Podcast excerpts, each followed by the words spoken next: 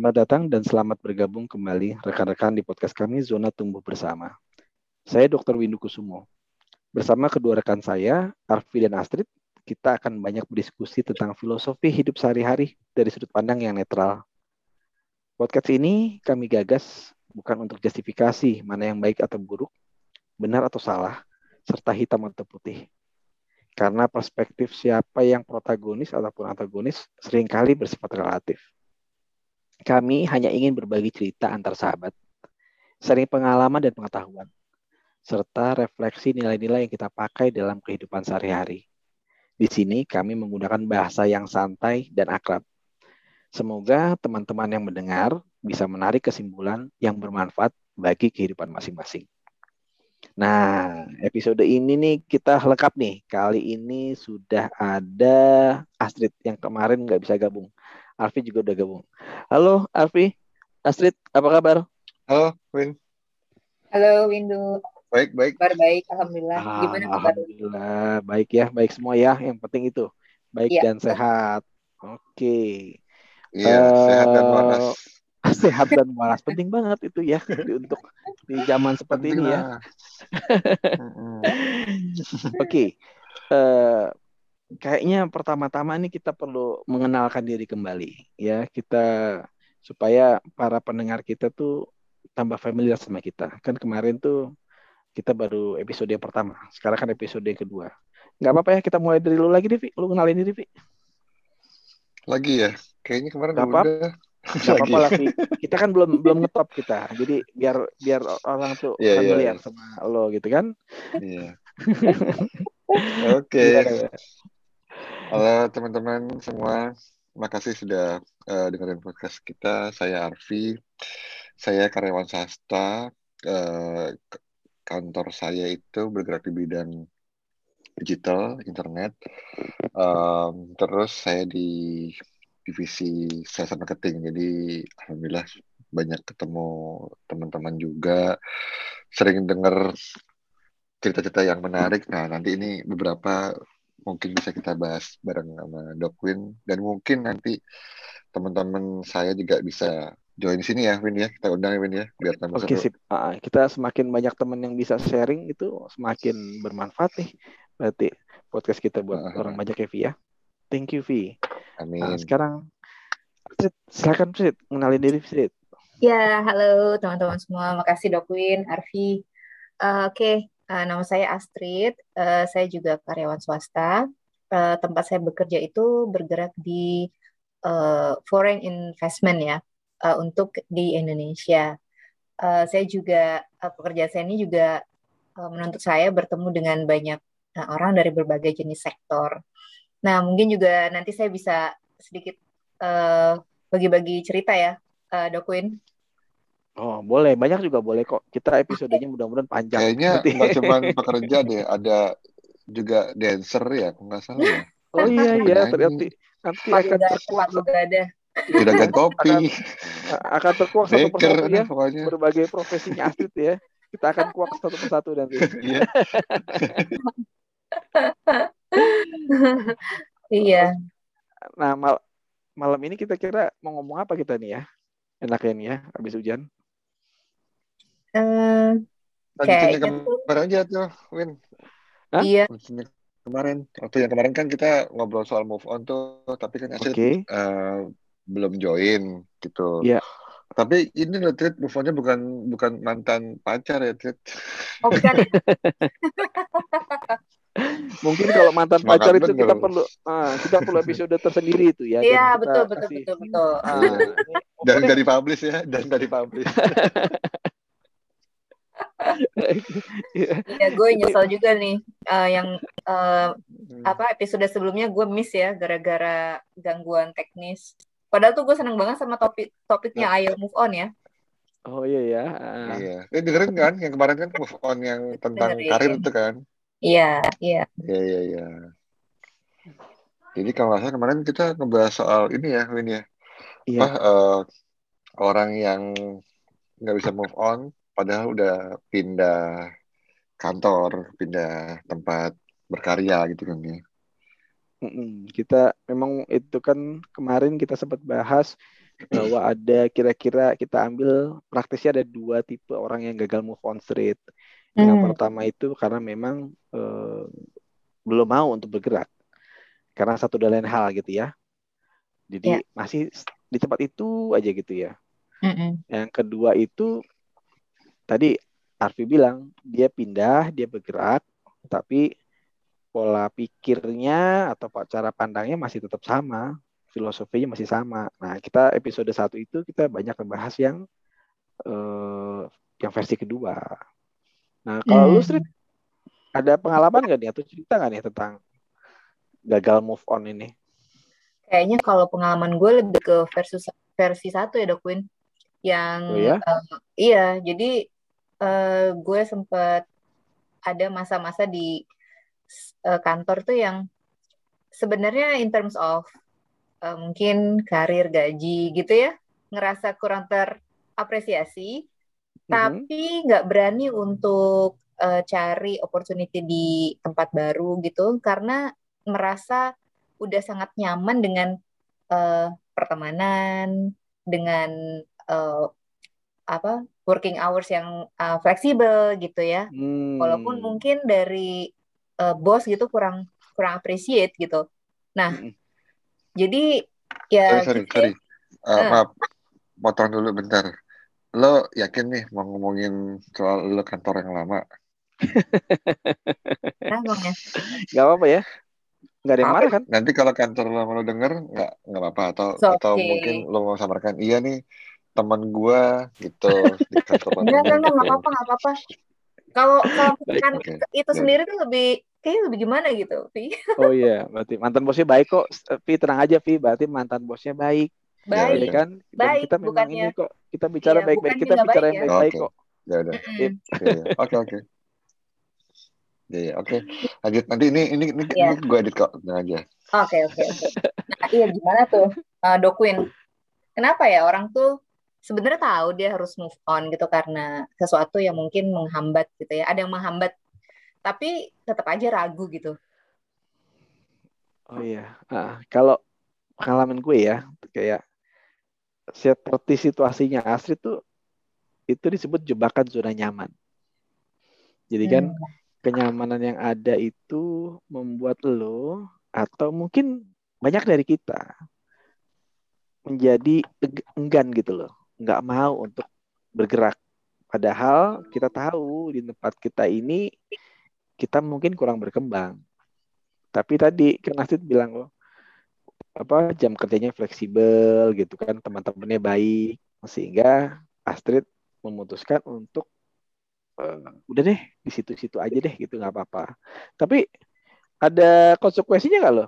Lo di situ walaupun nggak kurang diapresiasi atau artinya eh, kurang progres lah. Akhirnya ujung-ujungnya masa pandemi gini ada konsekuensi nggak buat lo? Tetap aja konsekuensinya begitu masuk pandemi kena termination, Dokwin. Oh, ini yang pertama gitu ya. Dalam banget kan? Udahlah. Hah? itu gue nungguin tuh dia ketawa apa dia nih kalau dia ketawa dia ketawa juga nih Mesti gua mesti dipancing dulu kan. nahan dulu Iya. ya kan?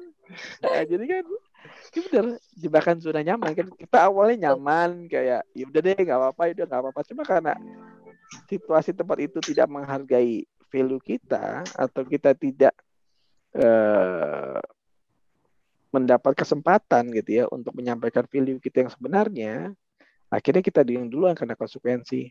Tapi sebenarnya itu masih masih lumayan lah. Asetnya maju tuh karena nggak mau maju kan karena tempatnya yang nyaman gitu ya walaupun apresiasi kurang. Hmm. yang rada concern sih banyak kasus yang tempat dia berada tuh nggak nyaman-nyaman banget gitu loh. Sebenarnya orang itu mungkin agak terabuse sama tempat yang lama atau mungkin benar-benar nggak diapresiasi atau mungkin teman-temannya juga nggak kondusif seperti tempat kerjanya Astrid. Tapi tetap aja dia nggak move on. Tetap aja dia nggak berani maju karena ya tadi ya untuk maju ke tempat yang baru itu butuh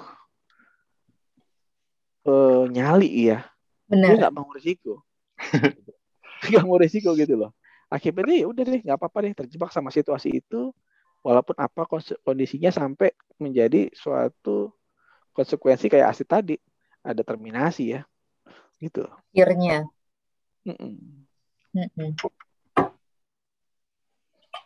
Hampir mirip sama yang kemarin berarti ya yang apa uh, kedua itu ya Queen uh, hanya saja memang ini yang yang jadi polanya ya Via patternnya tuh gini hmm. uh, orang atau kita baru sadar bahwa kita harus bergerak karena kita kebentok Iya kan? Ini kayak Astrid nih, apa? Maaf ya Astrid ya gitu. Kebetulan ya, apa ya, Astrid alhamdulillah udah udah bisa move on gitu kan. Tapi Astrid baru move on setelah kebentok gitu kan ya. Iya. Dan itu bukan bukan hanya Astrid seorang sih, bukan hanya Astrid gitu ya? seorang. Banyak dari kita yang maju, yang terpaksa maju karena memang udah kepentok. Gitu. Hmm. Gak punya pilihan, harus bergerak. Memang pikir jurang gitu ya. Iya, lo harus pegangan kan, harus bangun kan buat buat lu, buat keluarga lu gitu kan. Nah, tinggal masa mau kepetok terus sih kita kan ya, isunya kan gitu kan. Nah, nah, pola ini yang kalau bisa kita pelajarin itu bisa membuat suatu opsi yang lebih bagus lah buat buat seseorang yang berada posisi tersebut. Kalau orang bilang tuh bergerak bukan karena terpaksa, tapi bergerak karena memang mencari sesuatu yang lebih baik. Hmm. Jadi tuh dasar emosinya apa ya dok Win ya? Maksudnya kenapa gitu ya? Itu termasuk gue juga sih. Hmm. Mau gitu nerima posisi yang gitu-gitu aja gitu. Padahal sebenarnya uh, uh, apa ya nggak bikin kita maju gitu loh. Hmm. Iya sih. Mungkin nggak karena nggak tahu nggak tahu yang di depan itu apa. Ah. Nextnya itu mau seperti apa. Hmm. Ya. Jadi ya, ya, ya. gue gue nggak tahu nih kalau gue berubah atau gue pindah akan jadi apa, akan seperti apa. Ya udahlah ini aja lah gitu. Terima apa gimana? Nggak tahu ya. Bener banget tuh. Tadi jadi pertanyaan Astrid itu pertanyaan yang dasar yang ditanya banyak sama klien gue. Kemudian eh, pendapatnya Arfi itu adalah sesuatu yang istilahnya tuh bener banget faktanya seperti itu. Jadi gue nanti se sebelum gue menjawab pertanyaan Astrid, gue masuk ke Arfi dulu ya. Jadi gini, ya. Mhm. polanya nih ya untuk beberapa orang bahwa orang itu nggak mau bergerak karena dia nggak tahu ini depan seperti apa. Itu disebut unknown zone gitu loh. Unknown zone. Unknown zone. Dia dia nggak dia taunya di tempat yang lama tuh walaupun istilahnya ya pas-pasan, mohon maaf, kemudian kurang diapresiasi atau beberapa kasus mungkin dibully kali ya. Di, hmm. tapi dia tahu paling sakitnya kayak gini. Nggak bakalan dia lebih sakit dari ini. Hmm. Gitu loh. Sedangkan kalau dia melangkah ke tempat yang baru, dia nggak tahu nanti kalau gue jatuh sakitnya kayak apa ya? Kekhawatiran akan sesuatu yang tidak pasti itu menjadikan dia lebih memilih keterbatasan yang bisa diprediksi. Hmm. Makanya tadi berat nih. Iya sih, sorry kalimatnya ya. berat. Makanya jebakan zona nyaman itu keterbatasan yang tidak pasti. Iya, jadi jebakan zona nyaman itu bukan karena tempat orang itu berada itu nyaman, namun karena tempat itu bisa diprediksi street. Hmm. Oh kalau jatuh ya begini, oh kalau mepet ya begini, oh walaupun pas-pasan tuh begini. Tapi ya. gue bisa prediksi sakitnya seperti apa. Sedangkan kalau misalnya mencoba sesuatu yang baru, gitu, kan dia nggak ngerti ya. Apalagi maaf maaf mungkin di sekeliling lingkungan kita kan banyak banget kan ya street V udah deh orang sekeliling tuh ngobrol ngomong udah deh lu jangan muluk-muluk deh. Kan gitu ya? Iya benar. Iya kan? Hmm. bersyukur udah aja deh. deh gitu ya. Yes uh, uh, itu Indonesia banget itu ya kan? Udah deh hmm. bersyukur aja deh ya kan? masih punya kerjaan. Hmm. hmm, gitu. Bagus sih sebenarnya. Tapi itu menjadikan banyak dari masyarakat atau orang-orang yang akhirnya udah nggak mau bergerak. kita gitu ya. Ya cuma nerima istilahnya not chasing their dreams gitu ya, nggak ngejar mimpinya, tapi only get only take what they yang ada di depan dia gitu loh. Hanya hanya mengambil apa yang ada di depan dia. Hmm. Prihatin juga. Nah, kemudian tadi Asit bilang, terus dasar emosinya apa? Gitu kan, kok mau ya gitu, kok kok jadi tak, takut ya buat melangkah maju, padahal nggak nyaman. Ini yang paling sering terjadi dalam kasus harian yang gue hadapin di ruang praktek, dan sering kali mereka nggak tahu loh bahwa ini dasar emosinya. Nah, dasar emosinya itu adalah feeling unworthy, street, merasa tidak pantas Oke. Okay. Merasa nggak pantas. Merasa nggak pantas. Dan gitu ya. Kayak nggak pantas. Iya. Merasa berharga gitu kayak maksudnya dok. Atau merasa kurang berharga. Hmm. Mungkin dia denial gitu. Dia enggak, gue nggak begitu kok. Dijawab sama rasa marah. Enggak, gue nggak begitu. Tapi polanya. Tapi marah. Jadi mah di, di, karena denial karena masa sih gue kan pengen lebih baik. Hmm. Gue nggak mau lo diginiin, hmm. tapi gak maju-maju. Iya. Jadi di dalam refleks dia, di dalam refleks dia dia merasa kurang berharga untuk tempat yang lebih baik, kurang berharga untuk aktualisasi diri yang lebih baik atau penghasilan yang lebih baik. Ya ini tadi antara pikiran sama perasaan ini nggak sinkron. Hmm. Dia mau maju. Gue sering bilang sama pasien gue, gue gini, lu tuh nggak bener-bener pengen. Lu tuh cuma whining aja loh. Cuma merengek aja. Bahasa bahasanya tuh seperti itu gue ke mereka. Lu tuh cuma merengek aja, cuma bilang lu nggak mau begini, tapi lu tetap di situ. Bahasanya. Karena iya, mereka iya belum merasa pantas untuk lebih yang lebih baik. Hmm.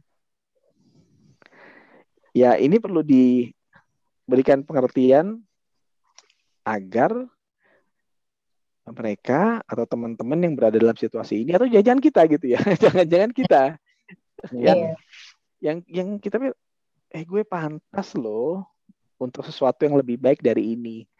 Bukan berarti sekarang nggak baik ya gitu kan. Tapi ya. boleh lah kalau kita punya cita-cita yang lebih besar dari sekarang ya kan? Nggak salah kan? Iya iya iya ya. ah keren. Bener banget sih nih terus apa dong ya yang harus kita lakukan Win atau mungkin untuk teman-teman ya alhamdulillah sih sekarang at uh, finally gitu ya uh, ya benar tadi kata kata lo uh, Dokwin. Jadi begitu ngerasa udah pentok, ya akhirnya mau nggak mau cari deh yang lebih baik. Karena memang udah yeah. kehilangan mau. Kalau nggak sejurang. Iya, oh, benar. Uh, memang kan manusia itu punya insting untuk bertahan hidup ya. Kita uh, sur survival. Jadi mode kita kan kalau udah kepentok modenya survival. Tapi sebenarnya kita bukan hanya seorang survival, tapi kita kan juga mencari suatu uh, aktualisasi apa yang membuat kita benar-benar bisa mencapai tujuan kita. Uh, ada suatu pepatah nih ya, bahwa hidup itu tidak memberikan kesempatan buat orang yang meminta atau berharap. Namun hmm. hidup itu memberikan kesempatan untuk orang-orang yang pantas. Nah, hmm. jadi kemungkinannya saat orang itu memantaskan diri, maka kesempatan itu akan datang pada dia. Jadi contoh kayak lu Street gitu kan, begitu hmm. kemarin kepentok, kan berarti Astrid jadi berpikir lebih kreatif kan ya? Betul. Ya kan, misalnya gitu kan, atau mungkin teman-teman yang lain, misalnya pas lagi kepentok, aduh misalnya gaji gue nggak cukup, gue coba cari sampingan apa deh yang halal kan hmm. gitu ya hmm. yeah.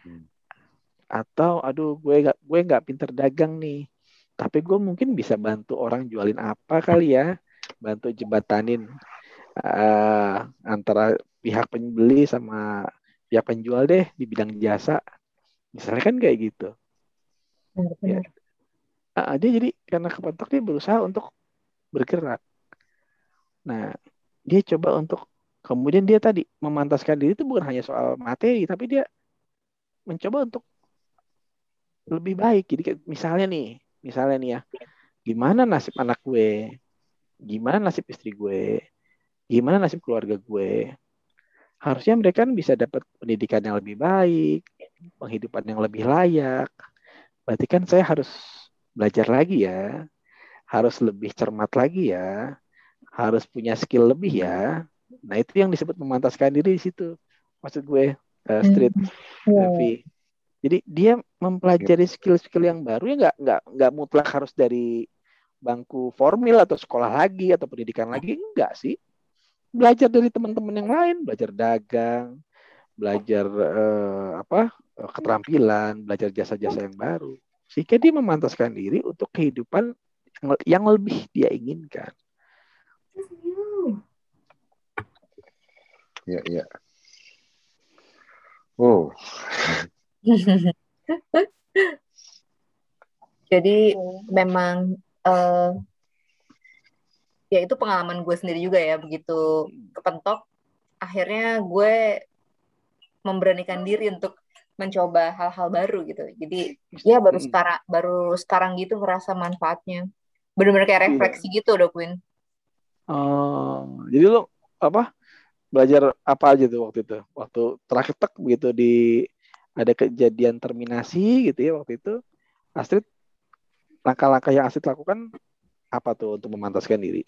Ya, uh, yang pasti pada saat kepentok itu juga pas lagi pandemi juga kan. Hmm. Dengan segala uh, kondisi yang serba nggak pasti dan serba susah lah ya. Maksudnya kondisi serba Eh, nggak uh, jelas gitu ya ya udah akhirnya gue nyoba uh, bikin-bikin kue masak-masak hmm. gitu walaupun ya akhirnya alhamdulillah uh, justru di tengah-tengah uh, percobaan hal-hal baru itu eh dapat opportunity yang ternyata jauh lebih bagus dari hmm. uh, pekerjaan yang sebelumnya dan ternyata apa yang dulu gue pernah takutkan gitu ya seandainya gue pindah tempat baru apakah gue akan punya uh, flexible working hour seperti tempat yang dulu gitu ya atau tempat uh, yang sebelumnya gitu ya ternyata uh, semuanya anyway bisa sangat di uh, diskusikan gitu ya.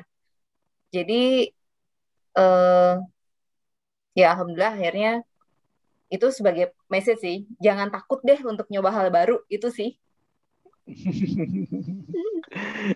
Iya iya. Win gue nanya Win. Ah oh iya silakan bi. Gara-gara tadi Aset ngomong gini terus lo bilang makan diri kalau kalau apa konsepnya itu kayak misalkan gini uh, misalkan siapa ya gue lah bilang gitu uh, kayaknya nih uh, nextnya gue punya bos kan kayak gitu kan gue harus bisa gantiin dia nih nextnya mungkin uh, next two years atau three years hmm. next gitu kan ya yeah. ya kita pura-pura memperhatikan diri sebelum jadi bos gitu kan ya apa kayak oh. gitu ya oh. konsepnya biar siap untuk move on gitu untuk oh. juga ah kayaknya gue belum siap nih jadi bos nah mungkin sekarang kayaknya gue pasti gantiin dia nih uh, dua tahun tiga tahun lagi sambil sambil mempersiapkan yes. gitu ya. Tapi paling enggak ya kayak gitu gak sih? Ngayal-ngayalnya gitu. Apa ya. biar siap. ya lucu loh bener. dan itu bener. Dan yang yang lo yang yang lo pikir itu itu benar seperti itu. Jadi ta, apa tahu quotesnya Steve Jobs yang connecting the dots ya hmm iya iya tahu ya Ah, Astrid tahu ini enggak? Astrid sama tahu. ah, versi versi versi utuhnya, versi panjangnya.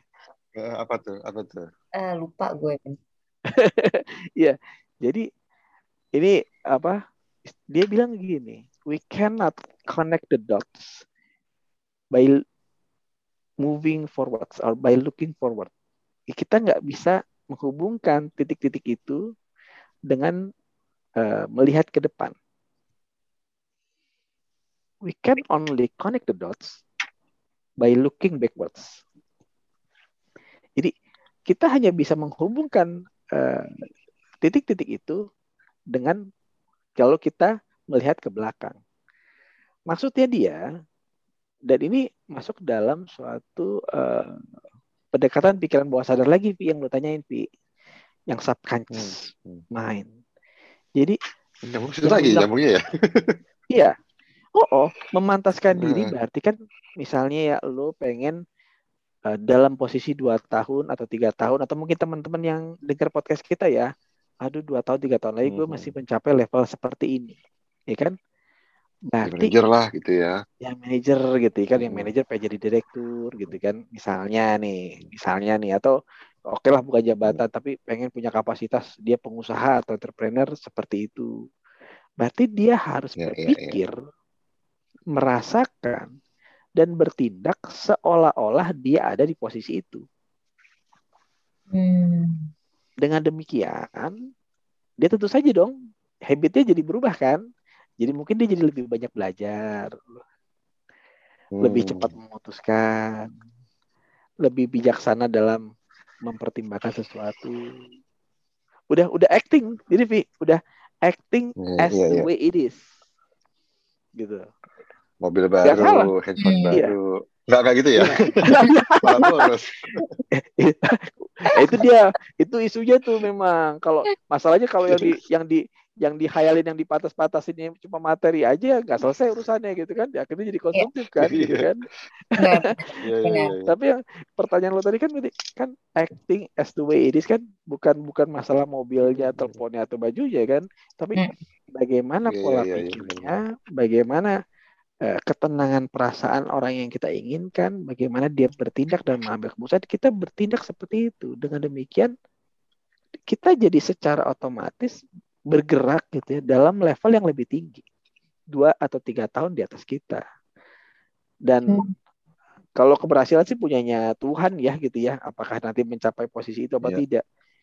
Tapi hukum alam hmm. ya sifatnya tarik seperti itu karena apa uh, istilahnya alam semesta memberikan kepada kita apa yang pantas.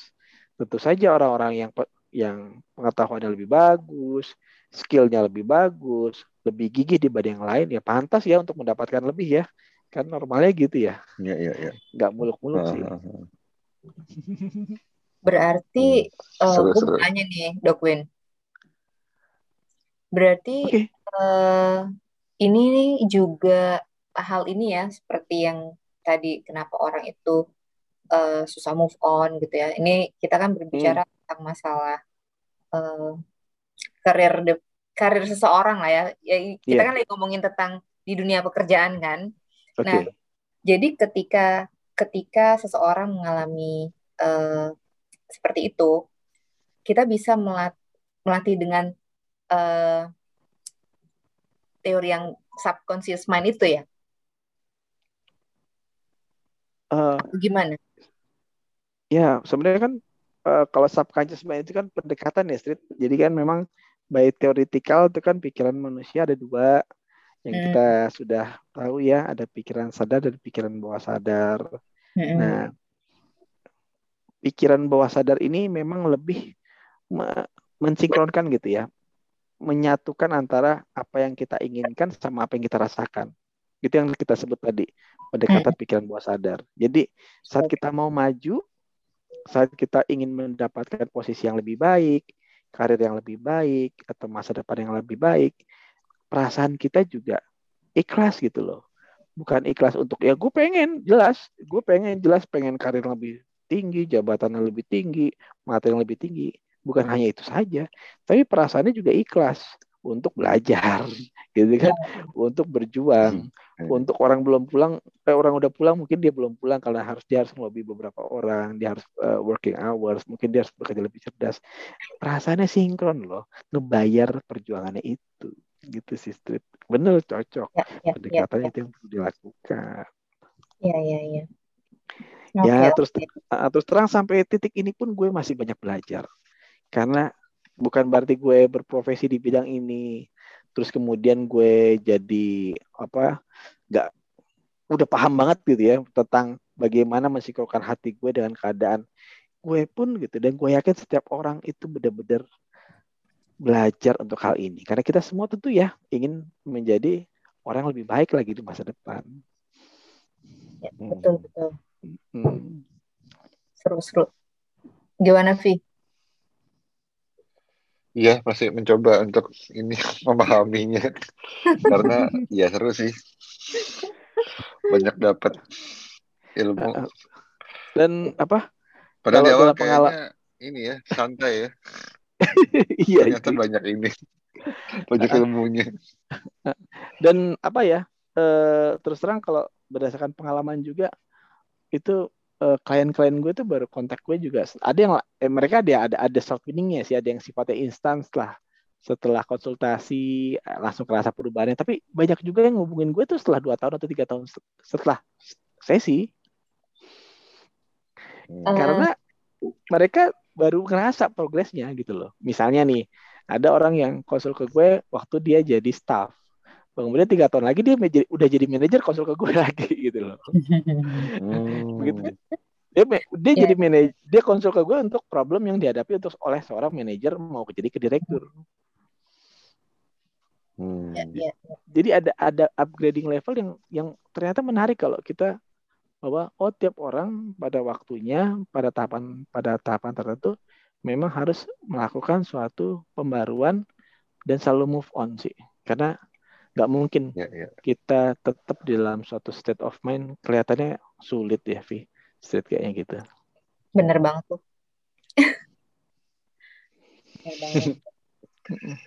Ya Oke. menarik ya artinya eh eh, kita kan bicara soal move on ini memang eh, isu yang banyak lah kita hadapi sehari-hari Iya. baik Iya, oleh diri kita maupun teman-teman kita mudah-mudahan apa yang kita sharing ini buat teman-teman juga bisa bermakna juga Iya, dan bisa diambil dalam pengalaman dalam sehari-hari iya.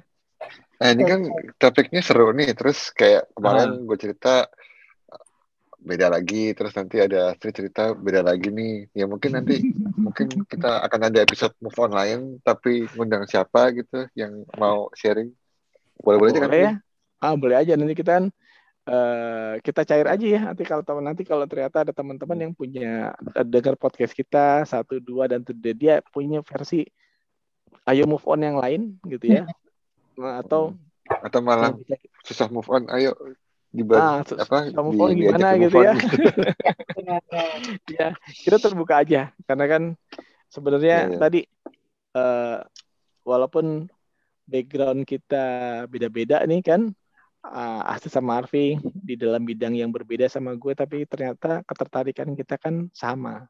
Bahwa Iya, iya. ya kita perlu banyak belajar ya dari kehidupan. Dan eh, kita dengar cerita orang itu bukan untuk jadinya julid ya. Bukan waduh gitu ya. Iya. jadinya Mm-mm. hidup lu gitu amat gitu ya. Atau yang sedihnya malah kok kita jadinya ada beberapa orang yang bersyukur kalau misalnya kehidupan orang lain tuh lebih tragis dibanding dia. Jadinya bersyukurnya kesannya Bersyukur di sisi yang ya, ini ah, ya. ah, ah, agak gimana gitu ya.